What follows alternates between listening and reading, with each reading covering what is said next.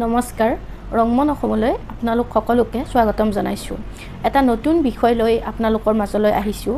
আশা কৰোঁ বিষয়টো আপোনালোকে ভাল পাব। অসমীয়া বাৰ মাহৰ কেলেণ্ডাৰত ভাদ মাহক অতিকৈ পবিত্ৰ বুলি গণ্য কৰা হয়। এই ভাদ মাহক কিয় পবিত্ৰ বুলি গণ্য কৰা হয় আজি সেই বিষয়ে আমি কিছু কথা আলোচনা কৰিম। বা ভাদ মাহত কেনেকুৱা কি আমাৰ গাঁৱে ভূঞে কেনেকুৱা কাৰ্য চলে সেই বিষয়ে আমি কিছু কথা আলোচনা কৰিম। ভাদ মাহ অসমীয়া সমাজত পবিত্ৰ বুলি মনা যায়।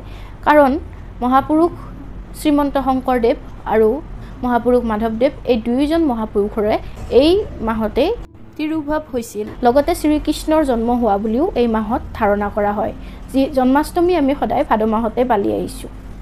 ভাদ মাহত আমাৰ যি অসমীয়া সমাজ আছে তাত যি নামঘৰ আছে বা সত্ৰ আছে এই সকলোবোৰতে হৰি নামেৰে মুখৰিত হৈ থাকে। সমাজত সেই বয়োজ্যেষ্ঠসকলে গধূলি ভাগৱত পাঠ কৰে বা আমাৰ যি তিৰোতাসকল আছে তেওঁলোকে নাম ধৰে বা ভগৱানক আৰাধনা কৰে। এনেকুৱা নহয় যে খুব বৃহৎ আয়োজন কৰিহে ভগৱানক পূজা কৰিব লাগে বা ভক্তি কৰিব লাগে। খুব সাধাৰণভাৱে গোঁসাই ঘৰত চাকি জ্বলাই বুট মুগে মুঠ বুট মুগ আদি আগবঢ়াই অসমীয়া সমাজৰ মানুহসকলে এই ভাদ মাহত ভগৱানক সেৱা কৰে।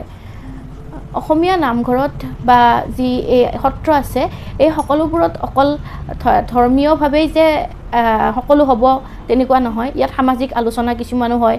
ধৰক এখন গাঁৱত এটা নামঘৰ আছে। এই নামঘৰটোত অকল যেতিয়া মানুহখিনি গোট হৈ বহিব একগোট হৈ তেওঁলোকৰ মাজত তেতিয়া ঐক্যভাৱ জাগি উঠে। লগতে তেওঁলোকৰ গাঁওখনত যি সমস্যা আছে এই সকলোবোৰ তেওঁলোকে তাতে আলোচনা কৰিব পাৰে। আৰু ইফালে আমাৰ যি আইসকল আছে তেওঁলোকেও নাম কীৰ্তন কৰে। আৰু এই নাম কীৰ্তনত বিভিন্ন আলোচনা তেওঁলোকৰ গাঁওখনৰ চুবুৰীটোৰ উন্নতিৰ বাবে আলোচনা কৰা হয়। ভাদ মাহত গাঁৱৰ মানুহসকলে খেতি বাতিৰ পৰা আজৰি লৈ নাম কীৰ্তনত বহে গধূলি আৰু গোটেই পৰিৱেশ ধৰ্মীয়ভাৱে মুখৰিত হৈ থাকে। গতিকে এনেকৈ পবিত্ৰভাৱে ভাদ মাহক পালন কৰা হয়। নামঘৰ অকল যে নাম কীৰ্তন কৰা জেগা সমাজৰ তেনেকুৱা নহয়। নামঘৰত বিভিন্ন ধৰণৰ সামাজিক যি আমাৰ সামাজিক প্ৰব্লেম আছে বা যিকোনো ধৰণৰ আলোচনা উন্নতিমূলক আলোচনা এনেকুৱা কথাও আলোচনা কৰা হয়। গতিকে নামঘৰে অকল ধৰ্মীয়ভাৱেই নহয় সামাজিকভাৱেও মানুহখিনিক একতাৰ দোলেৰে বান্ধি ৰাখে। আঠখেলীয়া নামঘৰ বা ঢেকীয়াখোৱা বৰনামঘৰ বা খতৰা সত্ৰই হওক বা বৰপেটা সত্ৰই হওক এই সকলোবোৰ সত্ৰ বা নামঘৰত ভাদ মাহত মানুহসকলে দৰ্শন কৰিবলৈ যায় আৰু ঈশ্বৰৰ আশীৰ্বাদ ল'বলৈ যায়। ভাদ মাহ কি বা ভাদ মাহত কেনেকৈ পালন কৰা হয় এই বিষয়ে আপোনালোকৰ লগত আলোচনা কৰিলোঁ। আশা কৰোঁ আপোনালোকে ভিডিঅ'টো ভাল পাব। আপোনালোক সকলোকে ধন্যবাদ।